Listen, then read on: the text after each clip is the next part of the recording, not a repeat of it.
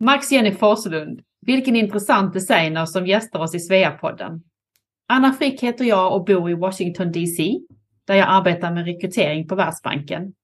Och så är jag medlem i Svea Washington DC. Och så är det Anna Brill här som vanligt i Stockholm. Och eh, ja, just det, här har vi ju fått riktig vinter. I alla fall när vi spelar in det här. Eh, så mysigt tycker jag och det kom ju väldigt, väldigt mycket snö helt plötsligt till advent. Så nu hoppas vi alla att snön ligger kvar och att vi får en vit jul. Och jag är ju såklart medlem i Svea Stockholm. Jag är ett stort fan av Max Jennys kläder, alltså vilka färger och mönster. Jag har flera jackor som jag ofta använder både på jobbet och till fest. Och jag får så mycket komplimanger för de här kreationerna. Max-Jenny Forslund är uppvuxen på Österlen nere i Skåne. Och hennes föräldrar eh, arbetade också med konst. Men det var intressant i samtalet hur hon berättar och betonar entreprenörsådran som hon säger att hon har fått med sig hemifrån. Och för dig som inte känner till Max Jenny så kan vi berätta att det är ett klädmärke som startade 2017. Och Max Jenny är känd för sina färgstarka tyger med unika motiv. Max Jenny berättar hur hon med sin iPhone tar bilder som hon sen redigerar och trycker till mönster på helt vita tyger. Hennes kreationer har burits av både Madonna, kronprinsessan Victoria och prinsessan Sofia med flera kända namn och märket säljs över hela världen både online och i butiker. Ja, det var väldigt kul att höra henne berätta om mönstren och hur, de, hur hon tar fram dem. Till exempel det senaste projektet, Drottningholm Collection, där hon har använt sig av bilder från just Drottningholms slottsteater. Och så fick vi ju väldigt många bra tips också på, från en av mina favoritstäder, Köpenhamn. Max-Jenny bor ju där med sin familj, men eh, som hon säger så pendlar hon ju också hela tiden upp till Stockholm. Då tycker jag att vi säger välkommen till Max-Jenny Forslund.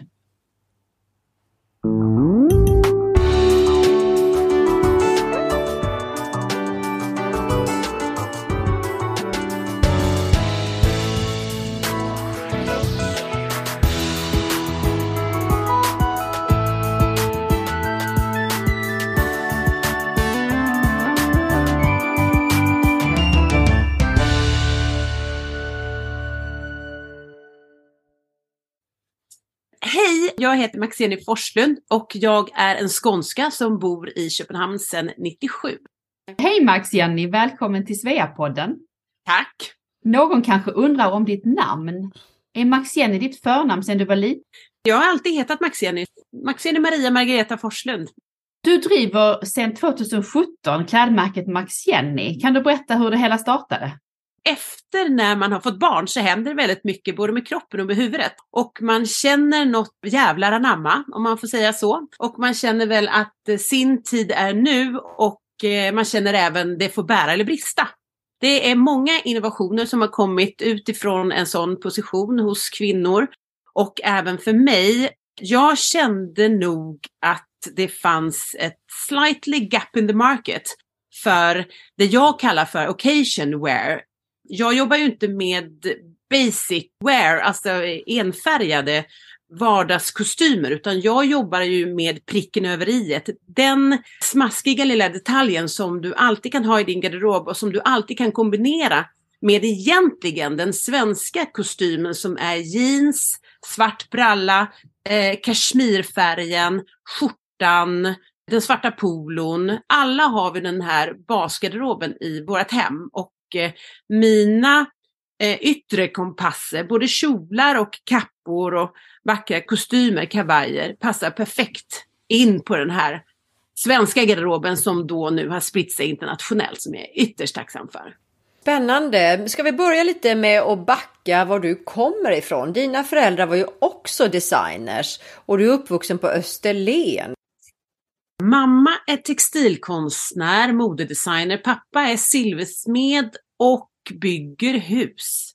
För mig var det ju ett, en normal uppväxt, men det var galet för att de byggde jordens största hus på 1500 kvadratmeter när jag var liten. Det tog i och för sig tio år. I allt detta fostrade min mamma då två barn och hade sin karriär samtidigt. Plus att hon byggde det här stora huset. Och när eh, jag är väl en fem sex år så står hon på, inte på randen, utan hon håller på med sin karriär och extremt mycket internationell, både press och inköpare som kom till oss i Vik, Viks fiskeläge. Så för mig var ju det här stora huset, det var, eh, det var världen. Utanför det kände jag inte till särskilt mycket utan detta var världen. Vi hade många olika språk som talades och det var mycket roliga middagar och alla jobbade. Men att vara kvinna och jonglera det här husbygget med en karriär som bara spinner på och kunna laga varm mat till sina kids och läsa läxor tycker jag så här i efterhand är eh, djupt fascinerande. Designar din mamma fortfarande? Hon designar fortfarande men har blivit konstnär på äldre dagar men är konstant ung i huvudet och eh, lika snabbtänkt och eh, påfundig som alltid. Så att det, hon är en fantastisk sparringspartner och som vet vad skit luktar och som man kan debriefa med när böljorna går tuffa i sitt eget liv. Det är få människor som kan förstå sättet att i en sån här bransch kombinera familjelivet med karriär. Det är inte enkelt. Och vi vet ju att du också känner Agneta Nilsson, Sveas grundare, som jag till och med har sett i ett av dina plagg. Fantastiskt! Hur känner du henne? De hade ju hus i Kivik, inte så långt från oss, och var en extremt god vän till mamma. Så jag känner väl att hon är min Agneta hon utvecklade väl och etablerade Svea på olika områden när jag är väldigt ung och hon kom alltid hälsa på i det här huset så att jag känner att eh, man har alltid vetat vad hon hållit på med mer eller mindre och att hon flög fram och tillbaka och ut och in och kände väl att jag hela tiden har eh, varit med på sidolinjen även om jag aldrig varit med i Svea. Så, men hon har alltid stöttat upp om det har varit någonting eller om jag varit någon annanstans i något annat land. Eller så, här. så hon är fantastisk. Du börjar inte utbilda dig direkt till kläddesigner utan du pluggade på Danmarks designskola för att eh, du lärde dig ju designa möbler. Jag är faktiskt möbelformgivare från början, möbelsnickare och möbelformgivare och eh, jag tror att man vill inte jobba med det som ens föräldrar håller på med. Så jag bestämde mig för att jag skulle bli någonting helt eget. Men sen efter några år så då inser man att eh, jag är egentligen uppvuxen med modeindustrin och har väl egentligen mer eller mindre fått den med eh, någon form för modersmjölk. Så. så den kan jag som ett rinnande vatten och jag kan produktioner och inköp och exekvering och allt från fotograferingar till alltihopa. Men när man är yngre så vill man inte alltid se det som ligger mitt framför näsan på dig. Så man ska, alla ska vi olika vägar ta innan man inser att vissa saker ligger extremt nära. Jag blev lite nyfiken där på designskola i Danmark. Är danskarna bra på design? Eller rätt sagt, det är de ju, det vet vi ju. Är de bättre än svenskarna till och med? Har alltid och är fortfarande väldigt eh, ettrig och har väldigt mycket energi och vill väldigt mycket. Jag arbetar fort, jag arbetar mycket. Jag är duktig på att få saker och ting gjort. Redan då så ville jag egentligen bara bli färdig med skolan för jag ville bara starta eget företag. Så jag ville ju inte wastea någon tid, någon dryg tid på någon dålig skola. Så jag ville ju bara gå det bästa som fanns. Och på den tiden så fanns det bara Ritveldakademin nere i Holland. Det fanns eh, Köpenhamn och så fanns det en skola uppe i Lahti i Finland. Och de rankades då som de absolut bästa man kunde gå på. Och vi nere i södern, nere i Skåne, anser ju egentligen att Köpenhamn är våran storstad. Sen finns det ju någonting som heter Stockholm, men det ligger ju så långt upp. Så att eh, söka sin utbildning till Köpenhamn var ett givet kort. Det är väldigt internationellt här och eh, grymt innovativt och eh, fantastiska lärare, så jag tyckte att eh, jag var lite lätt hemma bara jag kom över, över sundet då. Du rekommenderar den där eh, skolan fortfarande att den är väldigt bra? Nu tror jag fortfarande att den håller vatten, absolut. Den har alltid haft eh, extremt hög svansföring och eh, producerat mycket bra designers. Och sen är det ju alltid så att det är ju upp till den enskilda individen att ta hand om den informationen man får sig lite lätt serverat men man måste vara så otroligt duktig på att ta sig fram själv. Men du, vad är det som är speciellt med dansk design? Back in the day så tyckte jag att de satt fast i gamla hjulspår. Börje Mogensen och Per Werner Panton och Arne Jacobsson och allting sånt. Och på min tid var det någonting som hette att man må icke skjule materialet. Alltså man fick inte måla över en yta därför att man skulle vara så ärlig som överhuvudtaget möjligt. Och jag är uppvuxen med eh, Torre Sozzas och Memphisgruppen som är italienare. Tokiga, tokiga italienare. Så jag är uppvuxen med, inte det skandinaviska tänket alls. Jag ville bara göra revolution. Men på sistone här nu tycker jag att svenskarna är nog eh, extremt duktiga på sin eh, formgivning. Men danskarna har alltid varit eh, lite mer tokiga inom modeindustrin. Nu när jag är inom mode så ser jag ju det. De är mycket, mycket, mycket duktiga på att spänna bågen i, i Danmark.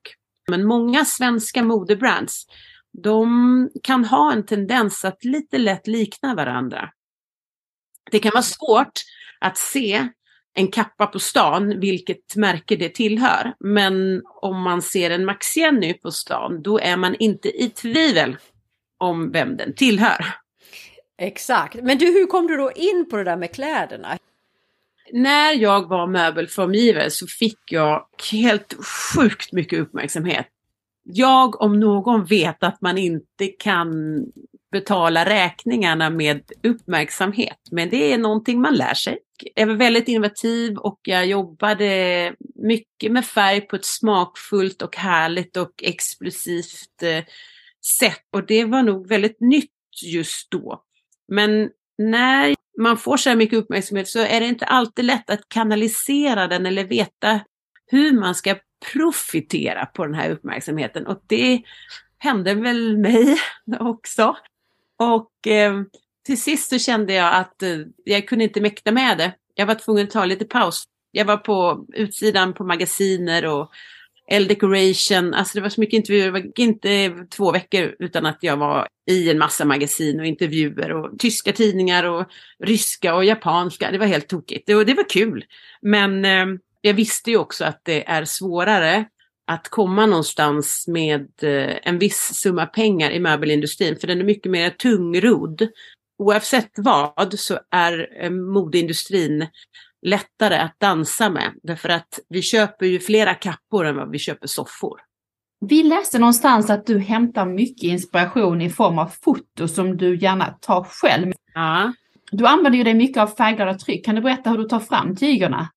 Jag vill ju vara en one woman show in a way. Det innebär inte att jag inte har medarbetare, men i det stora hela så är det jag som håller i pipan. Och för att kunna ha succé, familj, omsättning, styrning och allt så kom jag på den här fina idén om att jag bara köper in vita tyger som jag har på lager som jag printar på. Så när man ser någonting hos mig så har det tyget alltid varit vitt från starten. Det innebär att jag jobbar med penna och eh, även när jag ritar mina tryck. Men jag jobbar med digitala filer som jag printar ut på tyget. Ungefär som man skulle printa en bild på sina barnbarn. Så när jag är ute och reser, det är inte så att jag reser jättemycket, men jag har ögon och öron öppna och jag har en tendens att se det andra inte ser. Och eh, då är det så himla roligt att man behöver inte den här feta hasselbladen för 175 000 med sig hela tiden, utan man har sin lilla iPhone som räcker så väl. Och alla är vi ju turister i ny och nä och även jag. Ibland får man feeling och då kan man fotografera någonting. Det kan faktiskt bara vara runt om hörnet eller bara där jag bor eller uppe i Stockholm eller som sist när jag var på Sicilien så var jag i en vacker, vacker kyrka som hade det mest magiska kyrkotaget jag någonsin har varit inne i. Folk tror att det är Sixtinska kapellet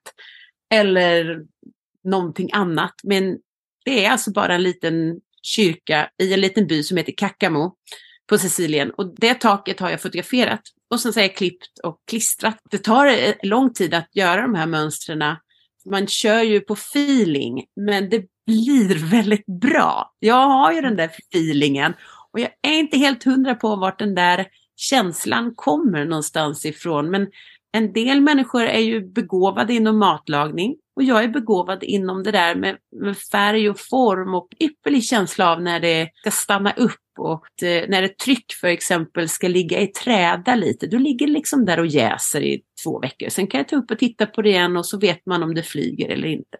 Du, jättespännande tycker jag det lät det där. Så du, du tar dina bilder då och sen sitter du på datorn och redigerar dem? Jag gör det, men jag gör inte konsekvent så, utan jag jobbar även med eh, olika tekniker, men jag har flera stycken succéer som det här sicilianska trycket, eller fint tryck som jag gjorde som var en hommage till Stockholm faktiskt, som heter Stockholm Royal Pink, som är väldigt vackert, som våran eh, helt magnifika kronprinsessa har burit. Som är en, en hyllning till eh, den här staden som jag verkar i. Jag bor inte uppe i Stockholm men jag har fin business uppe i Stockholm. Men du, och sen då när bilderna är färdiga, hur, hur liksom, är det du själv som printar på tyget?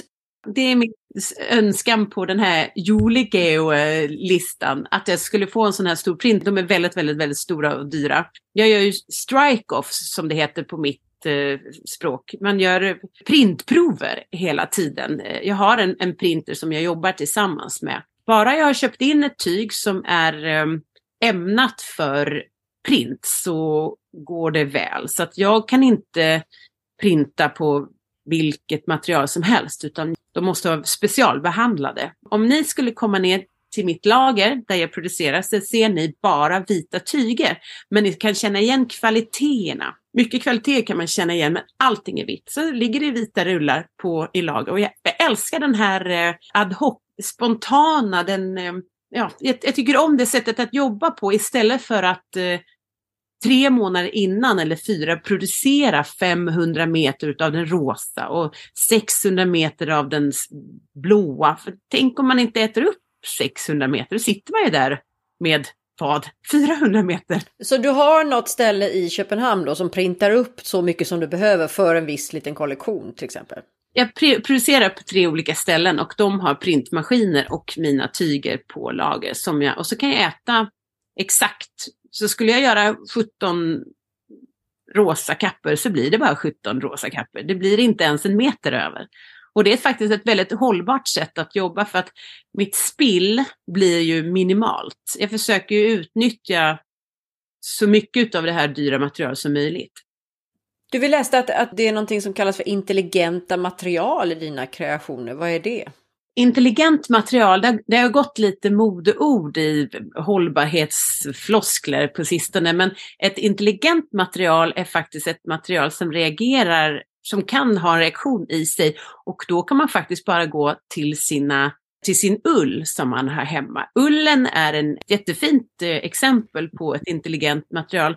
För en tunn, fin ulltröja är ju likväl ämnad att använda en kall sommarkväll som eh, en vinter. Och den har en tendens att eh, reglera sig efter kroppstemperaturen och, och föra fukt och sånt vidare. Så att det behöver inte vara värre än så, men ska man vara lite lätt teknisk lite mer avancerat så finns det i yttertyg så finns det jättefina återanvända petflaskefibertyger det är ju en återvunnen fiber som tänker själv. Det är också ett smart material. Otroligt vilken teknik! Jag är faktiskt textilnörd så att, eh, jag tycker om att prata om det. Finns det någon tanke bakom att du använder så färgglada tyger? Här hemma i Sverige är många kanske lite mer försiktiga med färger. Det där är faktiskt helt och hållet eh, jag själv som tycker någonting här. Det är bara färger som jag själv tycker om. Jag är egentligen ointresserad av eh, vad någon annan tycker. Det låter lite drygt men jag, jag menar det inte drygt utan jag går ju på känsla och jag, jag vet när en cerise är klockren. Den får inte vara för blå, den får inte vara för gul, den måste precis hålla ett, en viss not. Ungefär som med viner. Och eh, jag jobbar så pass intensivt och har väldigt, väldigt, väldigt kul. Så att jag känner inte ens att jag varken fattas trendspaningar eller eh, ens har tid att titta på vad som kommer. Jag är lika amazed som alla andra vanliga hur de stora drakarna, att de kan använda samma limegröna eller samma rosa. Jag förstår det fortfarande inte själv, men jag är ju inte en del utav sällskapet. Jag får en känsla av att mina kunder är väldigt glada för att jag jobbar så säkert med mina färger, vilket gör ju att de håller i så många år. Den här Sicily som är så känd, som man kan googla sig fram till. Den var faktiskt ett av mina absolut första tryck som jag gjorde 2017 och eh, den säljs ju fortfarande till fullpris. Det tycker jag är magiskt. Men du, när du säger att du tar fram en viss rosa då, hur, hur tänker du då? För jag tänker ibland är det väl ändå så att olika personer passar i olika rosa? Jag har också varit med när mamma gjorde sån här färganalys på 80-talet. Då var hon varm eller var hon kall? Eller var hon höst eller sommar eller vår? Nej, jag kommer inte ihåg. Det är ju liksom jag som bestämmer och sen antingen så passar man i det eller inte. Jag tror lite att eh, det där med att man känner att man inte passar i vissa färger, jag, jag, känner verkligen att det är på väg bort. Utan man, man ser till helheten utav plagget och, då, och så ibland om, om en kund kan vara lite tveksam så ska jag säga men, men prova, och sen när vederbörande ändå får på sig det här, då, det är som om kvinnan smälter. För då har hon kapitulerat och så ser hon vad fin hon är och hela hon växer ju. Alltså man blir så stark och man blir rak i ryggen, in med magen, ut med tuttarna. Nej men du vet, sen är vi hemma. Du har ju faktiskt tre olika rosa färger också på den här Sicily. Jag har ju faktiskt två av dem. Ja, vad härligt. Ja, men det är den pudriga och eh, den stark cerisa som jag tycker är magisk. Jag tycker det är fantastiskt med färger. Du har ju berättat lite om din uh, Sicily. Du har ju andra kollektioner också som Drottningholm, Stockholm, Hello Kitty, Diamond, Love, Baltic Sea, Diana. Kan du kanske berätta om någon av dem, versionen där bakom? Nej, jag måste säga om den här Drottningholm, den, eller det senaste släppet, det var Sofie Lerström, före detta chefen för Drottningholms slottsteater, som hade en lite närande dröm av att få göra någonting tillsammans med det världsarvet som Drottningholm faktiskt är. Men hon visste inte vad hon ville göra. Och sen så korsades våra vägar och eh, 100% match made in heaven. Och jag fick carte blanche till att jobba fram någonting där och använda både dekor och exteriör, interiör och deras böcker och fotografier och allting. Så det har blivit magi utav, utav detta och finns fantastiska historier att berätta. Om man läser på de olika trycken inne på min webbsajt så finns hela historien om Gustav IIIs eh, bäst betalda skådespelare som rymmer men som blir tillfångatagen. Och sen så har jag även gjort samarbeten som eh, Hello Kitty. De jobbade innan mig med Balenciaga och så jobbar de med mig och sen så efter mig jobbar de med Nike. Så det är väldigt det är roliga, knasiga sammanhang man hamnar i. Och där ska man inte säga nej, man säger ja. Umgås man med lite japaner och så blir det, det var jättekul att göra det här projektet. Så att jag, jag gör även samarbeten, små fina korta samarbeten. Det har jag gjort nu sista eh, med Diana Wahlgren, en street art-artist. Och sen eh, har jag gjort en fantastisk serie som heter Bug tillsammans med Helene Toresdotter som är en fantastisk fotograf, också från Skåne, som har varit i Oxford och eh, fotograferat eh, de insekterna som är specifika för oss som vi måste ta hand om lite speciellt, för utan dem, inget oss. Så det var faktiskt ett eh, högst speciellt projekt som jag presenterade tillsammans med Helene på Three Days of Design som är en eh, möbelmässekonstellation här i Köpenhamn. Det är rena rama Milanomässan fast i Köpenhamn. Och det gjorde vi på svenska ambassaden tillsammans. Så jag gör större projekt men jag gör även mindre små där jag köper känsla det är underbart att få kunna ha den friheten.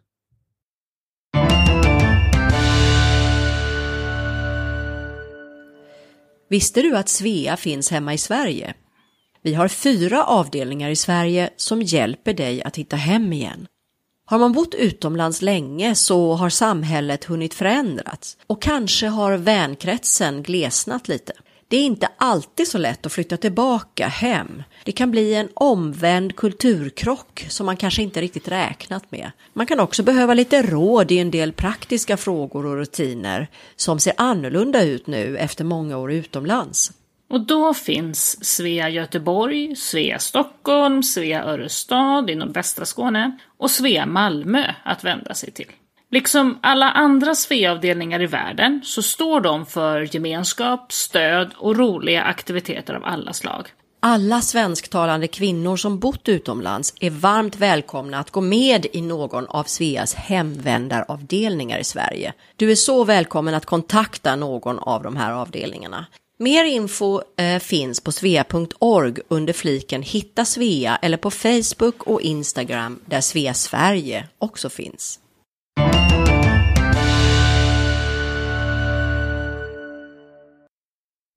Vi måste fråga lite här vad du tänker runt hållbarhet. För numera så egentligen ska man ju inte konsumera så mycket kläder. Som jag noterade förr så har jag, ett, har jag flera av de här trycken som jag väldigt tidigt, eh, nästan i starten på min karriär 2017. Och där man inte rear plaggen, det gör ju definitivt inte jag. Och sen så har jag hög svansföring i kvalitet, sjukt hög kvalitet och en bra prisbild som gör att man eh, egentligen kanske behöver tänka en gång extra innan man öppnar den plånboken. Men jag känner att folk använder de här plaggen med stolthet och eh, redan här så har jag en form för hållbarhet. Och sen så jobbar jag med en hårdslagen viskos som gör att det liknar en, en väldigt tjock silke, en dubbelvävd silke. Där, där känner jag att jag jobbar på bra. Men eh, hållbarhet ligger ju i många olika aspekter. Jag tänker väl heller inte att min kundkrets handlar lika mycket som gemene man. Det, jag jobbar ju inte med slit och släng-segmentet. Du är inte i fast fashion? Nej, jag vill ju att man ska kunna hänga in sitt plagg i garderoben och kanske låta sin dotter använda det. Den enda känslan och den enda medvetenheten jag har det är ju liksom hur kunderna använder sina plagg och återkommande och nästan investerar i mina plagg. Jag vet att de har, något har väl sålts på någon, någon fin sån lyxsajt vidare och du är imponerad över att de nästan håller eh, det originala priset. Tänker du så att du gör då liksom limited edition, bara ett visst antal av ett visst plagg? Jo men så där är det ju per automatik eftersom jag producerar ju sällan 50-50-50 utav någonting, utan jag producerar snarare 10-10-10 utav någonting. Så att det blir väldigt små eh, kollektioner. Och sen är det ju så att hela Stockholm ska ju inte gå omkring med vilken stad som helst. Man ska ju inte kunna se plaggen hur tätt som helst. Hur ser din typiska kund ut? Mm, kunden är faktiskt mor och dotter. Det är snarare så eh, dotter som ska få barn, håller på att få barn, har fått barn där runt omkring och sen så Eh, den här mamman och är oftast nyckelstäder som det heter. Allt från eh, Oslo till Stockholm till San Francisco, Dallas. Jag säljer jätteroligt konstiga sjuka mängder till Dallas av, av alla roliga ställen. Det är jättekul. Ja, och Helsingfors. Så att eh, det är ju där. Och naturligtvis eh, ute på vischan, men det är mycket München, Hamburg. Det är sådana nyckelstäder med dynamiskt folk som ses och rör sig. Och vi läste någonstans om att du inte gillar att sy. Jag vet inte om det stämmer, men om det stämmer, hur, hur får du då till dina kreationer? Eh, det är faktiskt sant. Jag kan det mesta, men jag vill inte för det går för långsamt. Så jag är bra på gaffatejp och byggplast. Det är min grej. Och vet ni, man kommer jättelångt med det. Så jag nålar mycket och jag, jag kan väcka och sätta gaffatejp på byggplast och det funkar alldeles utmärkt. Sen jobbar jag ju tillsammans med helt magiska mönsterkonstruktörer och sömmerskor som tror nog att de skrattar när de får mina skisser. Och det roliga är att det kommer ju pure magic tillbaks från dessa plastbitar. Och eh, vi har ett fantastiskt pingpong och de är mina eyes and ears på plats. Och de har väl lärt känna vad jag vill nu för tiden. Bra på att involvera mina bästa samarbetspartner. Ibland så kan en del människor de kan vara rädda för att göra fel och det, i det här, hos mig kan man inte göra fel per se, utan använd du din magkänsla, använd du din expertis och ta ett beslut. Och jag lovar dig, det kommer att bli bra. Och det blir ju bra. Knock on wood får jag nästan säga hittills. Men det är väldigt trevligt när man eh, låter sina producenter vara med. Jag kan tänka att man känner extra glädje och att man är delaktig i processen istället för att jag ska cementerat säga det skall se ut så här. Sitter de i Köpenhamn? Spridda överallt, allt från ICAS till Kaunas till Nanjing. Så jag har lite olika överallt och folk är jätteduktiga. Du vet, att, att få tag på bra folk som kan läsa ditt språk och som kan veta vad du går igång på, det är ju hemligheten. Du har ju också designat presentförpackningen för Alexandre Bonnets champagne. Kan du berätta hur det här kommer sig? Magiskt, magiskt. Jag har alltid velat göra en champagneförpackning. Jag har velat göra champagnen också, men därtill är det några mil kvar.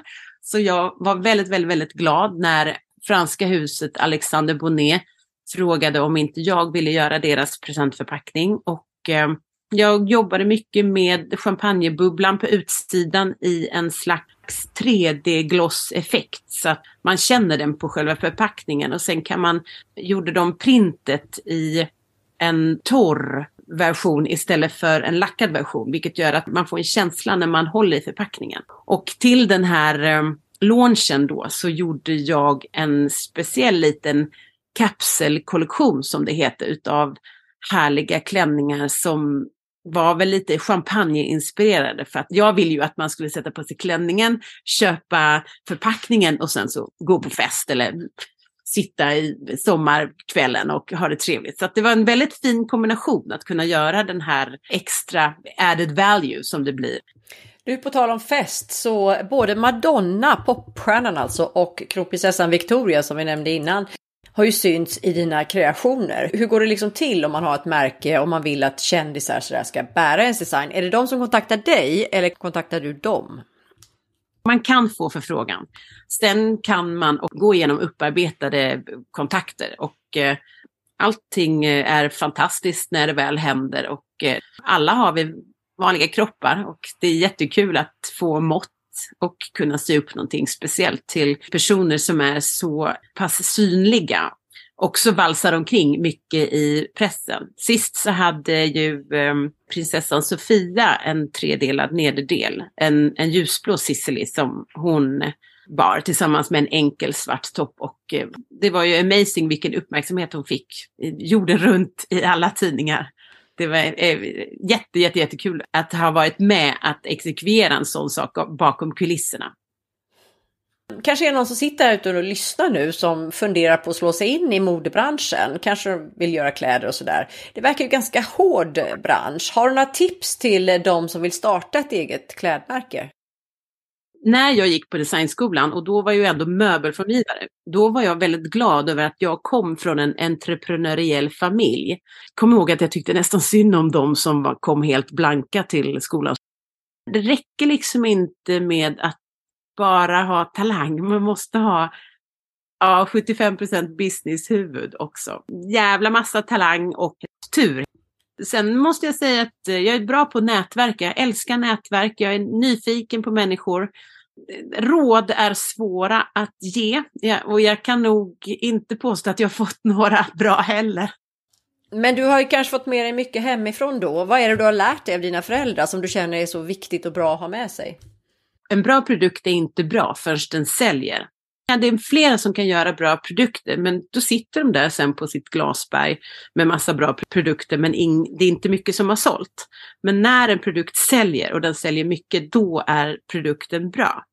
Så det är väldigt viktigt att man inte alltid försöker förverkliga sig själv. Det är många unga designers kan jag tycka som de vill förverkliga sig själv genom kläderna hela tiden. Och då känner jag lite lätt en gäspvarning. Men det ska man inte göra utan jag tycker det är fantastiskt att påheja och att, att man ska vara så entusiastisk som möjligt. Men jag hade väl lite lätt räkmacka hemifrån eftersom jag förstår att man måste kunna driva ett företag. Så du berättade om det tidigare att du såg en lucka i marknaden för det som du ville skapa? Det, det, är viktigt att man gör sin hemläxa. Det är viktigt att man är snabb och att man levererar. Jag vill påstå att jag alltid överlevererar. Därför att eh, det är mitt normala state of mind. Man ska känna sin kund, väldigt viktigt.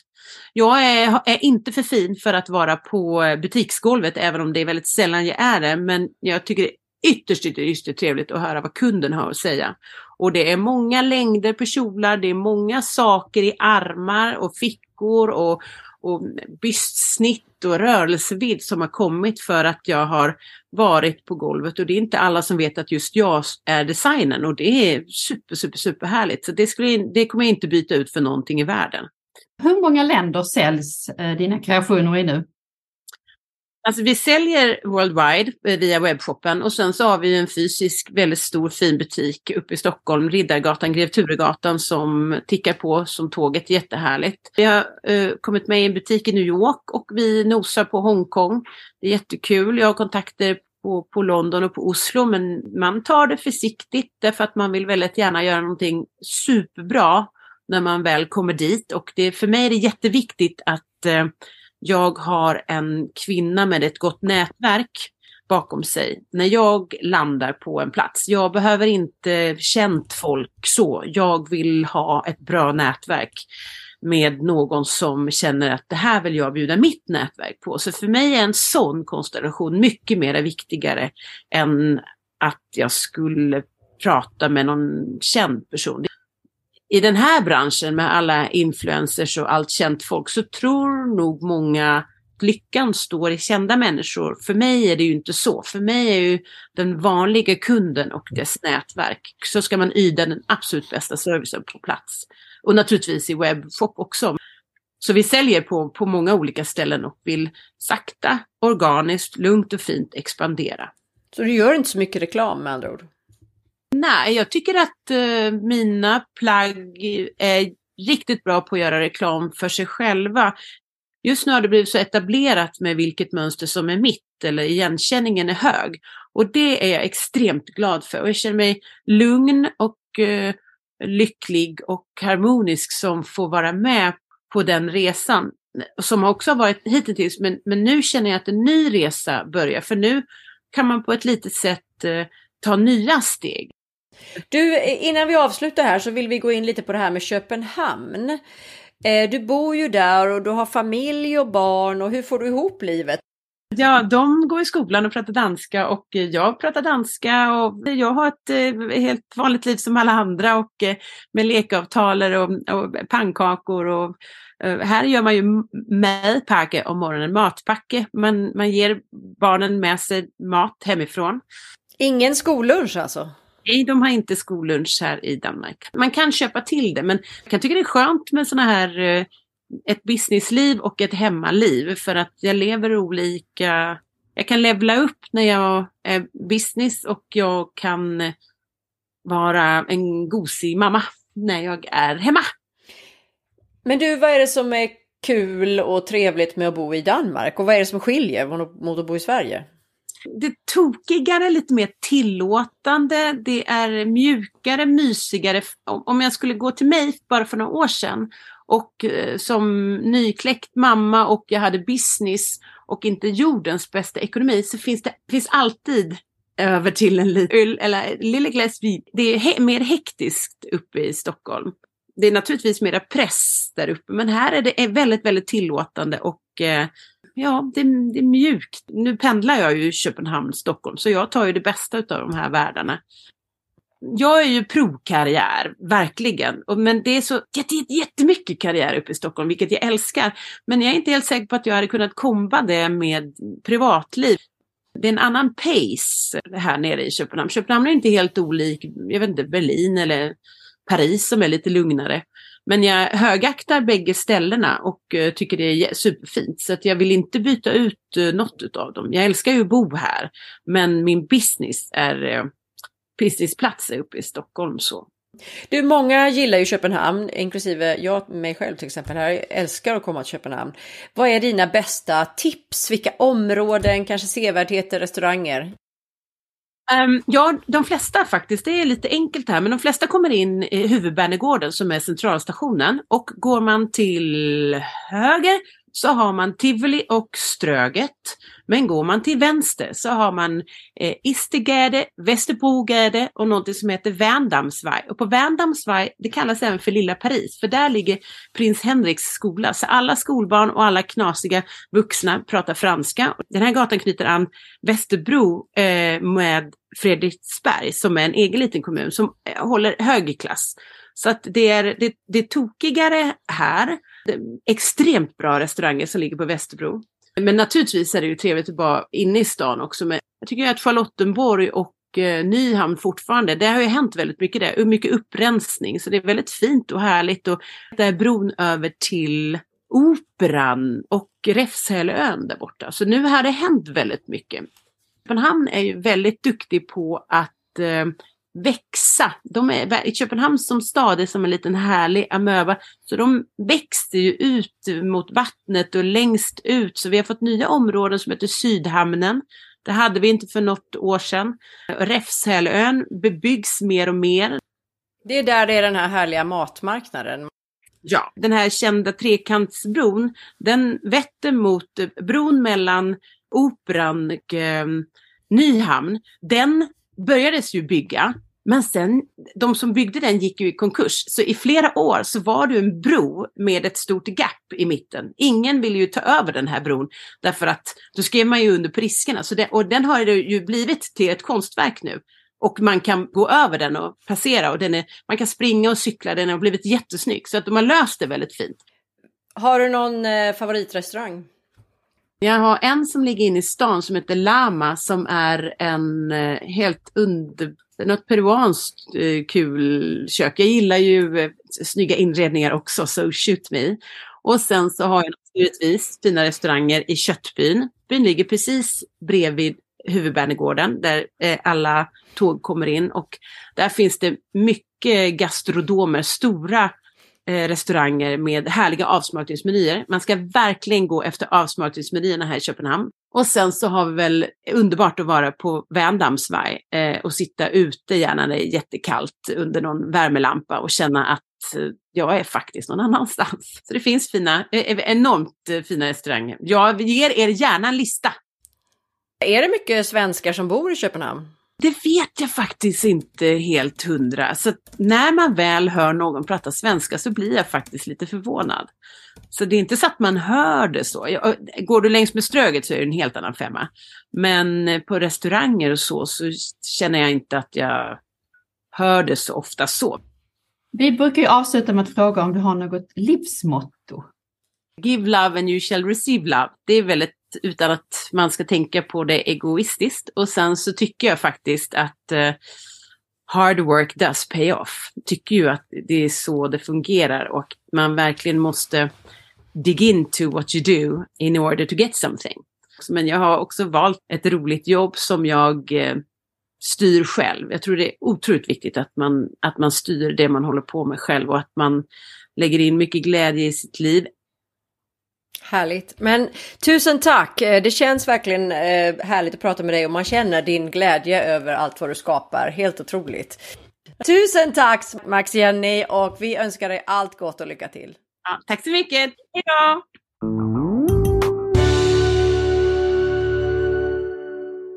Tack för att du har lyssnat. Den här podden är inspelad och producerad för Svea International. Musiken är skriven för Svea av Fredrik Åkerblom. Alla vi som på olika sätt är involverade i produktionen gör detta som en del i vårt frivilliga engagemang för Svea. Sveapodden finns på de allra flesta ställen där du hittar poddar. iTunes, Google Podcasts, Spotify, Acast etc. Om du saknar något poddställe så skicka ett mejl till sveapodden gmail.com. Mer information om Svea hittar du på vår webbplats svea.org och i sociala medier så finns vi på Facebook, Instagram och LinkedIn och där hittar du oss som Svea International.